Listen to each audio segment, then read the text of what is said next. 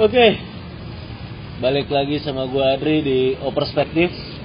Tapi kali ini gua nggak sendirian. Untuk pertama kalinya, Oper ngajak orang lain buat ngopi, buat ngoper bareng kita. Dan dia adalah Yona Satrio. Itu nama Instagram lu ya? Ya kurang lebih lah.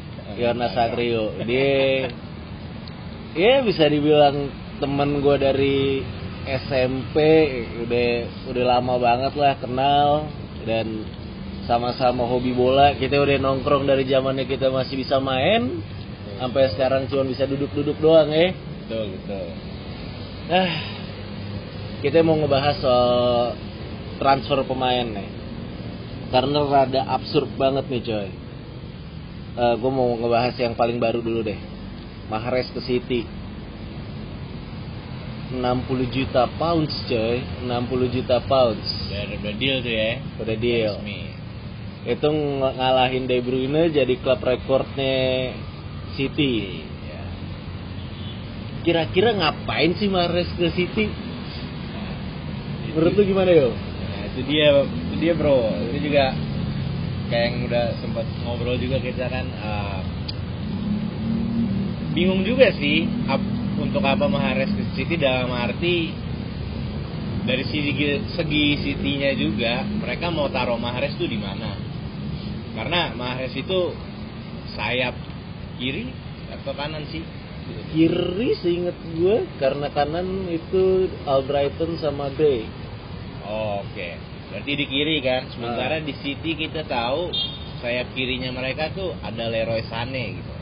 Yang kita kalau kita lihat musim lalu di se- walaupun dia Piala Dunia ini nggak dipanggil ya sama Jerman yang buat gue juga itu mengejutkan. Dan Jermannya flop ya? Ya dan akhirnya flop walaupun nggak bisa dibilang gara-gara Sané nggak dipanggil juga sih. Cuma Iya. maksudnya aneh gitu. Dengan statistik dia musim lalu yang merupakan salah satu pemain kunci City lah sampai bisa sukses gitu. Lalu Mahrez yang notabene juga bukan winger bukan winger sembarangan gitu loh. Dia juga berperan besar waktu Leicester menang Liga Inggris 2015 15-16 16 ya. Sesuatu yang orang juga siapa sih yang cuman ada dua orang yang taruhan megang Leicester. Ya itu. Kita kita tuh nggak ada yang nyangka Leicester bisa jadi juara gitu kan. Nah terus dia ke City. Ya itu dia pertanyaan gue role-nya dia itu apa? Apakah jadi backupnya Sane atau Sane dikorbankan. Tapi City sendiri kan anggapannya selalu punya gelandang serang slash sayap yang bisa muter ke mana-mana. Sementara kita jarang banget ngeliat Mahrez main di tengah. Buat buat Manchester City pemain yang jadi attacking midfielder ada De Bruyne ada Bernardo Silva ada David Silva. ada David Silva. Ya. Dan emang kayaknya itu slot udah nggak mungkin nggak mungkin otak-atik lah ya. iya nggak mungkin buat dia lah nggak Iya. mungkin buat Mahrez lah tapi dari dari make, make sense gitu ya, jadi backup menurut lu jadi backup Kalau menurut gua kalau soal skill sih nggak bisa dipertanyakan ya. Hmm. Mungkin Mahrez kalah di pamor aja sih. iya Karena dia di Leicester baru kedengeran 2015 2016. Sementara di City kayak tadi udah ada De Bruyne, David Silva, Bernardo Silva itu di tengah attacking midfield. Di kiri udah ada Sane, di kanan ada Sterling. ih Iya kan? itu itu anggapannya sama kayak zaman Galacticos terus main WE pasti pakai Real Madrid Ya.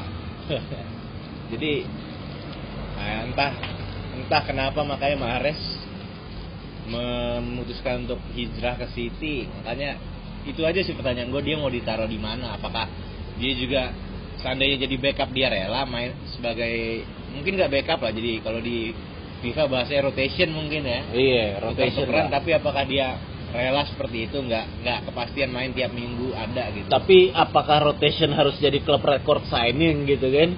Nah itu dia makanya pertanyaan bro.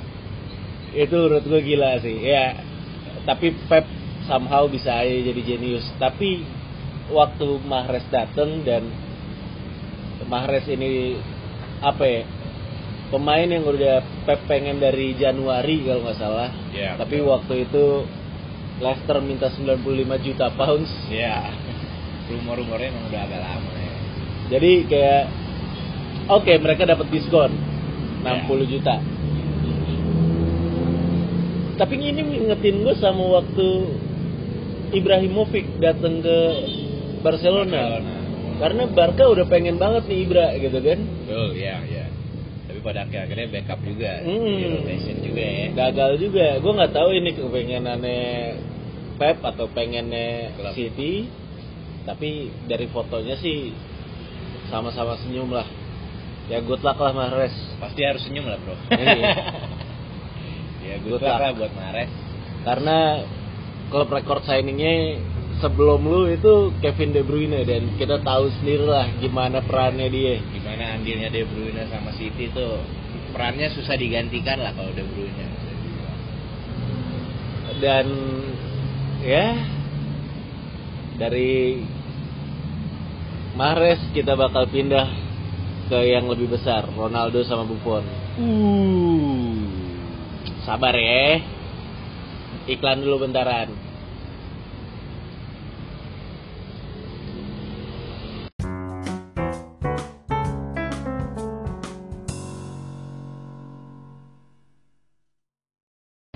Oke, balik lagi di O Perspektif dan kita sekarang setelah ngebahas Mahrez mau jadi apaan, masa klub signing rekordnya cuman buat jadi rotasi, Ya, betul. kita mau ke Gianluigi Buffon, legend, Gigi Buffon, legend ya, legend bro, living legend lah masih. living legend. Si living legend ngapain ke PSG jadinya? Itu dia bro. Kaget juga awal pas dengar. Itu kalau nggak salah hari Sabtu kalau nggak salah. Gue lagi di gereja ya. Hmm. Buka-buka Instagram. Udah udah buka sabat tuh tuh. Belum. Kebetulan abis makan siang kan udah di luar sih. Cuma saya lagi di komplek gereja. Hmm. Buka-buka Instagram ada kayak iklan tukang jahit tukang jahit gitu apa gitu kan jahit ngukur jas jas gitu eh pas keluar ternyata Buffon pakai jersey PSG gila gue Jadi Buffon ke mana pak ngapain bentar, bentar. Lu lu dapet itu dari postingan promote apa emang lu follow PSG lagi ada Oke, itu bukan PSG, tapi itu kayaknya dari salah satu akun ini juga sih, akun bola juga di Instagram. Mereka kayak nge repost lah, nge repost gitu. Ah, Oke. Ah, tapi lucu banget sih kalau misalnya dapetnya dari promote post gitu kan. Iya. dari sponsor lah itu lucu banget. Itu bakal shocking tuh. Tapi ngapain anjir? Maksudnya World Cup udah ada. Udah dipegang World Cup. UEFA Cup zaman UEFA Cup Iya. masih sama Parma. Udah. Tuh, udah. At least ada lah Ada. buat buat negara sama Buat klub udah. sam, sama waktu di klub udah banyak gitu kan. Di Juventus nggak usah ditanya. nggak usah ditanya dan dia salah satu orang yang bertahan waktu Juve ke Serie B Betul, dan itu emang salah satu hal yang gue salut juga dari dia. Dia ibaratnya hampir setengah lebih lah pemain Juve ketika di relegate mereka pindah. Dari Buffon, waktu Buffon, Nedved. Trezeguet, Del Piero, yep iya kan? yep Mereka stay untuk membantu balikin ke Serie A gitu. Loyalitas tanpa batas lah bisa dibilang Iya. Buffon juga ya, sama Juventus gitu. Tapi tiba-tiba loyalitasnya hilang nggak hilang sih karena ini free transfer kan ya. Free transfer betul, dia nggak perpanjang kontrak ya. dia nggak berpanjang kontrak. Hilang ke PSG duit. Kalau ngomongin PSG duitnya nih. Masalah duitnya nih. Ya, kalau buat PSG duit itu kayak gimana ya? Gak ada artinya, bukan gak ada arti sih, tapi kayak gak ada serinya lah bisa dibilang. Bisa nggak bisa dikeluarin, digontorin berapa juga buat pemain, Iya. sanggup mereka gitu kan. Cuma itu dia bro, kalau dibilang aneh sih, apa sih sebenarnya? Kalau dibilang apa yang dikejar Buffon, kita pasti tahu lah satu trofi yang missing dari dia itu apa gitu kan. Si kuping besar. Di kuping besar. EKE Liga Champions. Yo tiga kali tembus final 2003 waktu itu kok nggak salah ya? Hmm. lawan Milan ya AC Milan. lawan AC Milan kalah 2016 Belas. 16 apa 15 15, 16 ya itulah. pokoknya ketemu Barcelona. Barcelona kalah lalu Real Madrid. Real Madrid kalah lagi Ya, itu ada di postingannya Oper tuh. ya silakan dicek aja di akun Instagramnya Over At Oper Official. ya di follow sekalian Pastinya.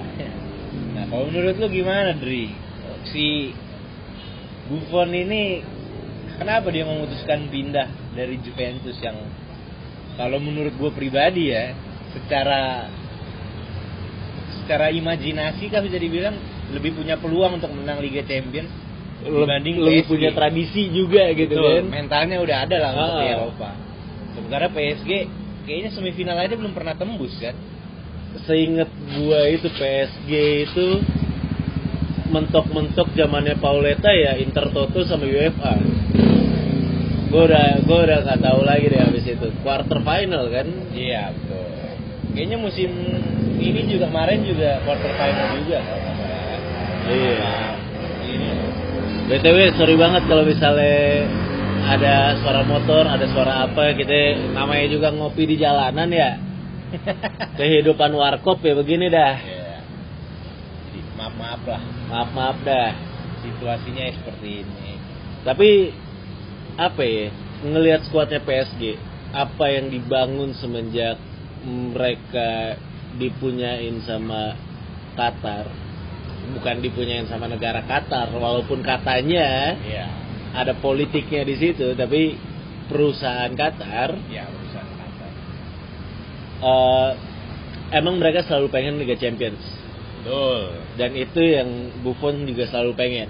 betul Ada kesinambungan, betul? betul Sama-sama butuh, sama-sama betul jadi sama-sama sayang. Iya. Ya. Tapi ya itu juga kalau nggak salah Buffon sendiri yang bilang kalau nggak salah waktu dia di interview kenapa PSG dia bilang dia tertarik karena proyeknya PSG itu bisa dibilang ya optimis lah mereka proyeknya yang paling utama Liga Champions karena di Prancis ya ya. bisa dibilang nggak ada lawan lah udah nggak ada lawan lagi gitu Ya, ya. gue gue makasih banget nih gue terharu. Karena ada yang baca caption coy, nggak lihat gambar doang. Gue terharu gue. Iya pokoknya ibaratnya iba gimana ya Buffon dari Juve yang dibilang Juventus juga di Itali Sama aja kayak PSG di bisa dibilang ya masih ada perlawanan tapi ya masih mendominasi lah udah lama Iya, mendominasi gitu kan sama anggapannya gini lah. Kalau kalau PSG punya Lyon gitu kan. betul betul Kita nggak nggak usah ngomongin AS Monaco. Kadang-kadang emang AS Monaco Naik naik. turun, naik turun. Tapi sama kayak Juve yang selalu punya Roma, ya betul Napoli yang naik turun. Napoli naik turun ya Ya. iya agak aneh sih memang Tapi skuadnya PSG dengan Neymar, dengan Mbappe, Cavani Cavani, Cavani sama Neymar bye-bye aja. Ya, nggak tahu lah ya dengan ada rumor-rumor aneh tapi belum bisa dipastikan juga kalau katanya Neymar berusaha mengkudeta kah bahasanya King Cavani, ada Neymar, ada Prince-nya Mbappe juga nih. Iya. Trisulanya udah enak ya kan. udah udah udah mumpuni lah itu lini depannya mereka Tengahnya juga Buffon udah percaya banget sama Verratti. Verratti ada di situ Rabiot kalau masih bisa dipertahanin ya kan. Maksudnya squad squad mereka masih di atas kertas punya peluang walaupun punya betul walaupun kita mungkin nggak bisa ngebayangin iya karena nggak ada tradisinya aja mungkin Mm, ya dia gitu loh. Kayak anggapannya misalnya nanti nih Kroasia menang lawan Inggris, terus Kroasia menang lawan Prancis. ya betul. Kita nggak bisa ngebayangin Kroasia menang Piala Dunia gitu kan? ya betul tapi ya itu, itu bisa bilang ya itulah serunya sepak bola juga ya kadang yang kita nggak sangka-sangka bisa juara contoh Balik Leicester. lagi. Leicester lagi Balik lagi. siapa yang nyangka mereka bisa juara coba? Satu banding seribu coy, satu banding seribu. itu gua rasa seluruh dunia terkaget-kaget kalau mau balik lebih jauh lagi Yunani Yunani. Euro negara yang tahun waktu itu nggak diperhitungkan sama sekali bisa juara maksudnya oke squad mereka bisa Mereka mumpuni squad. Tapi kita ngelihat kan dengan squad yang selalu mereka bisa mereka bisa karena Kevin Trapp Ya. Sirigu Jadi itu juga bukan kiper-kiper yang meh ya. Gitu mereka ya. juga kiper yang punya skill lah ya. Cuma mungkin. Nggak punya leadership kayak Buffon. Betul. Leadershipnya masih nggak ada lah ya. Bukan nggak ada mungkin dibilang kurang kan bisa dibilang untuk karismanya mungkin Karismanya, karismanya. Ba- kalau dengan seorang Buffon gitu ya pemain PSG juga maksudnya pemain PSG yang udah lama di situ mereka juga tahu Buffon kapasitasnya Iya. gimana lalu uh, leadershipnya gimana. Jadi lebih segan lah. Lebih segan lah. Manut lah. Iya figur pemimpin itu akhirnya ada gitu yang dan bener. semoga aja Buffon jangan keseringan main sama Neymar nih. Karena Mbappe keseringan main sama Neymar jadi diving mulu di World Cup. Aduh itu emang bro. Kayaknya harus pindah ke sekolah drama ini. Agak. Jangan keseringan main. Tapi kalau kiper diving itu bagus buat iya kalau diving itu Iya. bagus gitu itu diperlukan. Itu diperlukan itu. Kita melebar kita melebar jadi agak-agak out of topic. Ya. tapi bisa nggak? Lu ngeliat squad PSG yang sekarang Mhm. ditambah Buffon dengan pengalamannya dengan karismanya dengan leadershipnya bisa nggak? At least final. Sebenarnya kalau dilihat dari squad musim lalu atau dua musim lalu mereka tuh kemampuan untuk tembus semifinal itu ada. Cuma mungkin ya seperti tadi mungkin mereka apa? Mungkin secara me- mentalnya kan kurang ngerti juga sih apa yang kurang di PSG karena mungkin dari kurang pinter. Ingat waktu mereka kalah tiba-tiba sama Barca? Barca ya. Karena Barca lebih pinter. Iya, mereka lebih Iya, itu makanya mungkin lebih berpengalaman kan Iya. tertinggi. Padahal ibaratnya seperti kita bilang tadi, squad di lini depan udah Cavani, Mbappe, Neymar. Di gelandang tengah ada Verratti, ada Di Maria, ada Rabiot. Ada Rabiot di back, Thiago Silva, kiper Kevin Trapp ya. Sekarang dengan adanya Buffon, oke lah kita coba Buffon itu cuma satu orang, tapi kadang peran satu orang itu pengaruhnya besar banget bro. ya coy Apalagi dengan kalau bisa dibilang kalau disuruh pilih back backnya juga Kevin Trapp atau Buffon, lu lebih merasa aman siapa yang jaga gawang? Biarpun udah tua pasti bilangnya Buffon kan? Buffon itu pemain yang pernah main sama pemain-pemain kelahiran 60 1960 berapa Iya. sekarang main sama tahun 2000-an kan ya. Udah mau 40 loh. Gila orang. ya kalau proyeknya PSG menurut gue emang ini ini mentoknya kunci kunci proyeknya PSG di sini kalau ini, musim ini gagal mereka juara Champions League berarti selama ini mereka buang-buang duit Iya. Dan malah harus rombak dari awal lagi bisa jadi. iya Nah. ngomongin PSG rombak dari awal Nah. ada satu transfer lagi nih yang menarik ide-ide nakal dari seorang Yona Nggak nakal juga. coba coba Tentang siapa? Cristiano Ronaldo nanti dulu tapi ya. Oke. napas dulu Napas dulu. Oke, siap. kita bakal balik lagi stay tune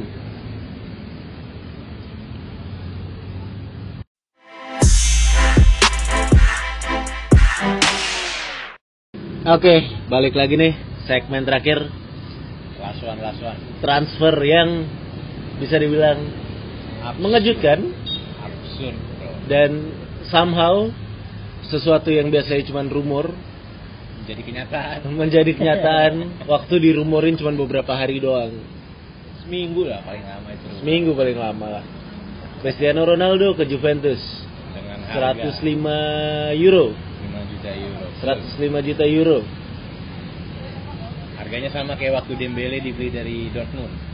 Oke. Sama Oke. persis. menarik temen gue gue ajak gue ajak ngoper ternyata siap juga nih nih menarik Eh gimana yo kira-kira pertama kita ngomongin Buffon dulu Buffon nyesel nggak sih Ronaldo datang dia cabut Nah, itu dia yang jadi pertanyaan, Bro. Karena mungkin bukan mungkin ya tapi sebagai figur veteran di Juve dia pasti dapat bocoran-bocoran dong. Hmm. rencana Juve itu ke depannya apa gitu kan. Dan gue rasa dia juga udah pasti dengar dari manajemen bahwa kita ada chance untuk dapetin Ronaldo gitu kan. Tapi kenapa dia malah memutuskan pindah itu? Pa- padahal dengan ada dia ibaratnya di lini belakang di lini depan dari Ronaldo itu Juve wah nggak kebayang nggak kebayang sih. Ibaratnya bakal lebih gimana lagi gitu kan.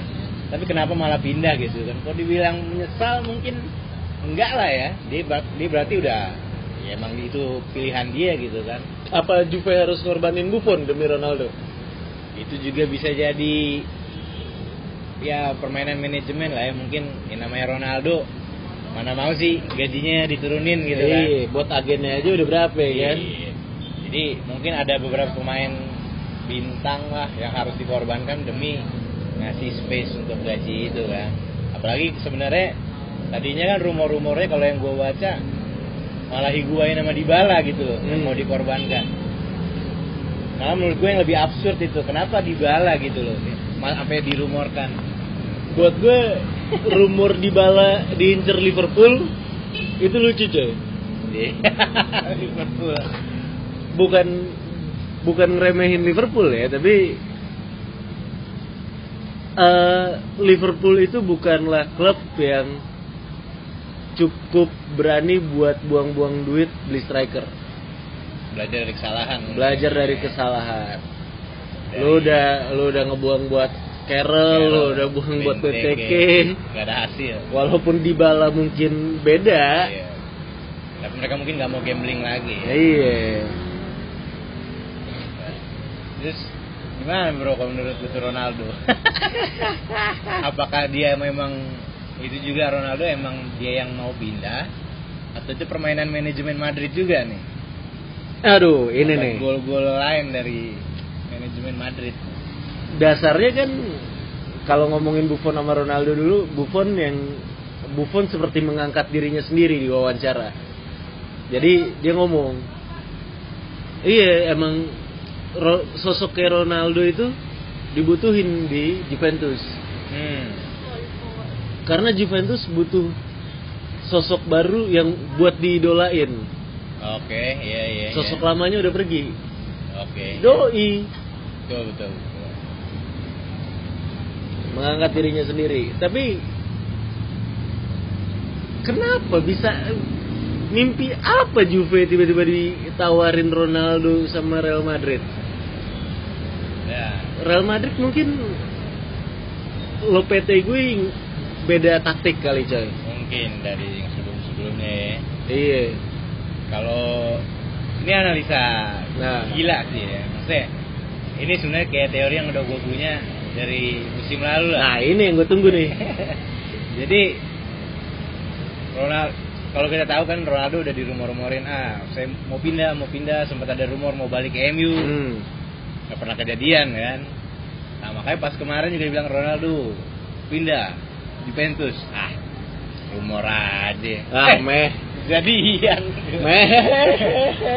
jadi jadi kayak mau makin memperkuat teori gue bahwa mungkin Madrid pengen regenerasi bintang superstarnya dia lah ibaratnya mega bintangnya Hmm. dia dan ini teori gue dari tahun lalu adalah Madrid itu sebenarnya ngincer Neymar bro Hmm. Dia ngincer Neymar tapi ibaratnya kalau dari Barca Neymar langsung ke Madrid itu kayak mancing amarah supporter juga sih bisa dibilang Karena Hmm. kalau kita ingat kejadiannya Vigo tuh Iya. dari Barca dia pindah langsung ke Madrid Iya. kan Ya, kita lihat reaksi supporter apa gitu kan. Dan dia pindah ke PSG aja udah banyak yang ngomel kan? Iya betul. Ibaratnya lu dari satu klub pindah ke klub yang ibaratnya musuh abadi lu gitu loh kan. Gimana lah reaksinya kan. Jadi makanya Neymar ke PSG dulu dan memang karena cuma PSG yang mampu ngebayar dia. Iya. 220 berapa itu? Iya. Gitu. Dua dua dua kalau nggak salah. Duit udah kayak duit mainan kayak ngeluarin duit segitu. Kayaknya kalau main monopoli sama PSG tuh susah menang cuy. nah, habis i- makanya habis itu sekarang Ronaldo udah pergi. Nah, sekarang ini tinggal terbuka buat Madrid. Gaji ibaratnya space gaji udah ada, dana ada. Analisa gue ya antara dua sekarang. Eh, Neymar atau superstar Chelsea Eden Hazard gitu. Kalau Hazard main posisi sama juga kan sama kayak Ronaldo di sayap Hmm. kiri gitu. nggak mungkin dua-duanya Kalau dua-duanya menurut gua berarti har- harus dikorbanin lagi pemain bintangnya Madrid. Yaitu ya tak lain dan tak bukan Gareth Bale. Gimana? Gareth Bale katanya mau balik ke Inggris Ya itu rumor-rumor juga karena dari itu juga dari tahun lalu Bell juga ada di rumor-rumorin bakal cabut gitu karena Hmm. nggak nggak dapat tempat yang pasti di starting eleven gitu kan walaupun ibaratnya dua kali final dia kontribusi besar juga di kemenangan Madrid gitu kan Hmm. waktu lawan Atletico sama waktu lawan Liverpool kemarin. Iya. Walaupun Kariusnya begitu ya. Ya, walaupun Kariusnya ya. Lagi sengklek palanya. Iya, gegar otak kayak gitu kan. Itu sih menurut gua. Karena buat gua dengan cabutnya Ronaldo Madrid dapat 105 itu untuk Hazard ke cover lah kalau untuk Hazard gitu kan. Kalau untuk Neymar nah ini lagi menurut gua Madrid bisa dapat suntikan dana lagi ya kayak tadi. Kalau nggak ngorbanin Gareth Bale James Rodriguez. Oke. Karena seperti kita tahu James juga nggak dapat tempat di starting Iya. eleven gitu. Dan dia nggak mau permanen di Bayern Munchen katanya. Ya tapi dia juga nggak mau balik ke Madrid kan? Iya. Iya makanya karena Zidane lebih milih Isco. Bayangin tapi Isco Isco gimana? Isco bakal dipertahanin? Kalau Isco ya kalau secara kalau Zidane mungkin eh udah bukan Zidane tapi ya Lopetegui. nggak tahu kalau Lopetegui mungkin mau mempertahanin ya karena ngelihat di Piala Dunia juga iya Isco pemain kuncinya dia juga gitu kan iya walaupun Lopetegui-nya nggak sempet ngelatih di Piala Dunia tapi Iya. ya dia yang ngebawa ke Rusia Iya, gitu kan betul. Nah, kalau Isco, nah ini gua gua dapat rumor-rumor baru-baru ini bahwa klub kesayangan Awa si GGMU ini mau ngebeli Isco nih dari Madrid ceritanya. Bahkan katanya sampai rela ya ini rumor sih ya, jadi jangan iya Nah, terlalu ditanggepin serius juga ya kawan-kawan ya. Katanya sampai-sampai Rashford tuh mau diikutin di deal Isco tersebut gitu loh. Oke, Marcus Rashford gitu. itu itu gua nggak percaya. Nah, itu fix iya. gua nggak percaya. Makanya gue bilang ini tapi kan yang namanya rumor gitu kan karena katanya MU butuh tenaga di lini tengah. Berhubung Fred Michael Carrick ya, Fred mungkin lebih gue kurang tahu ya kalau Fred tuh lebih ke gelandang bertahan atau box to box. dia box box Yang jelas box dia bu- Ya. Yang jelas bukan playmaker gitu. bukan kan. playmaker. Sementara mungkin Mourinho pengen yang playmaker. Hmm. Walaupun gue juga bingung kenapa ada Juan Mata, tapi ya itu sampingan doang. Cuma ya kayak tadi gue bilang transfer Ronaldo ini ya bisa dibilang permainan manajemen juga, bisnis kepentingan bisnis coy. Jadi menurut lu Neymar itu cuma ngambil eh, Ini kayak jalan apa sih? muter kan Kayak kayak jalan muter supaya lebih aman ya. Emang jalan lebih jauh tapi lebih aman gitu. dan dan sekarang aman banget karena anggapannya dia udah dimusuhin sama Barcelona ya kan? Ya betul. Dia juga Eh. ibaratnya punya alasan untuk pindah dari PSG. Iya. Gak akur sama apa? Nih? Jadi ya ya ya udahlah gitu loh. Dan ini makin masuk akal lagi karena seniornya Neymar Ronaldo DOG Ronaldo hmm, kenapa itu dia tuh? dia waktu sebelum ke Madrid Hah? dari Barcelona dulu Tuh, ya. Barcelona Barcelona. terus ke Itali Ke Itali baru ke Madrid. baru ke Madrid Berguru kayaknya dia. berguru dia dan masuk akal sih coy iya, betul. masuk akal sih dan ah gimana ya oke Ronaldo cuma Real Madrid cuma dapat 105 juta euro dari Juventus Hmm. tapi nggak mungkin Florentino Perez nggak ngasih duit buat transfer Oke. jadi jangan jangan nganggep Neymar kan dibeli 222 Iya, jangan harap PSG ngelepas di bawah itu. ya. iya jangan masa Real Madrid yang cuma punya 105 bakal dikasih gitu kan Iya. Florentino Perez mah sebelum PSG kaya kakek dia udah kaya duluan Kayaknya yuk, PSG lu ilmu kaya lu masih di bawah gitu. Iya. Dia lebih tahu trik-trik yang ngumpulin duit gitu. jadi menurut lu gimana Ya. Neymar, Hazard, siapa ya? Yang gantiin Ronaldo menurut lu siapa ya? Kalau feeling gua Neymar, Bro. Kalau feeling gua Neymar sih. Tapi Neymar sih. gue pengen bilang Hazard cuma gue kayak insting gue bilang Madrid pasti ngincar Neymar. Ibaratnya dia udah terbukti di Liga Spanyol, dia udah tahu gimana atmosfernya di situ. nggak perlu adaptasi lama lagi, paling adaptasi sama permainan Madrid. Itu aja. Jadilah Neymar ikonnya Madrid yang baru. Gue gue nggak bisa ngelawan prediksi itu sih menurut gue. gue nggak bisa ngelawan prediksi itu. Menurut gue nggak masuk akal. Di satu sisi gue sangat suka. Nggak masuk akal dalam artian Neymar tuh dibeli sama PSG sampai katanya pakai duit negara. Ini transfer Neymar ke PSG aja sebenarnya itu nggak masuk akal, coy. Nah itu kan. 222. Masa sih langsung mau dilepas? I- itu sebenarnya yang bikin nggak masuk akal. Tapi sisanya omongan lu tuh masuk akal. ya itulah maksudnya. Tapi ya itu kan prediksi ya, teori. gitu. Tapi gini aja sih, Paulinho yang dari Cina, Baru balik setahun ya, Iya. ke Barca ya. Balik lagi ke klub yang sama di Cina loh. jadi jadi ya udahlah, semua bisa terjadi. Mau Buffon ke PSG, Ronaldo ke Juve, emang udah nggak ada yang make sense coy. Jadi nikmatin aja lah. Iya. Tahun ini kayaknya bakal ada kejutan-kejutan tambahan lagi nanti nih soal transfer. Oke, semoga Neymar ke Real Madrid. Gue cuma bisa bilang itu. Semoga Neymar ke Real Madrid. Kalau Neymar ke Real Madrid, kalian denger duluan di sini, coy. Kalian denger duluan di sini. Dan itu respon kita terhadap transfer-transfer terbaru terbesar yang ada di- pekan ini mungkin Iya. bisa dibilang. All the best lah buat Buffon dan Ronaldo di tempat baru mereka lah. Ya Mahrez juga ya, ingat Mahrez De Bruyne. betul. De Bruyne ingat. Dan siapa pun yang menang Champions League, ingat Buffon belum menang Champions League. Tolonglah. Tolong. Jadi lo berharap para klub-klub lain tuh kayak ngalah gitu ya, supaya setidaknya Buffon ya udah pensiun lah di situ ya. Iya, udah lah. Jadi dia nunggu itu doang sih. Kasihan juga sih. Sama sama kalau misalnya Messi belum pensiun nih, Copa Amerika, tolong kesadaran lah. Tolong lah. Icardi nggak dipanggil panggil masalahnya kalau Messi masih Icardi juga coy. Chili, tolong Chili ya. Chili. Jangan nyusahin. Kalau. Uruguay pengen menang gue bisa ngerti lah. Tapi kalau yang lain tolong lah. Ya itu, itu aja.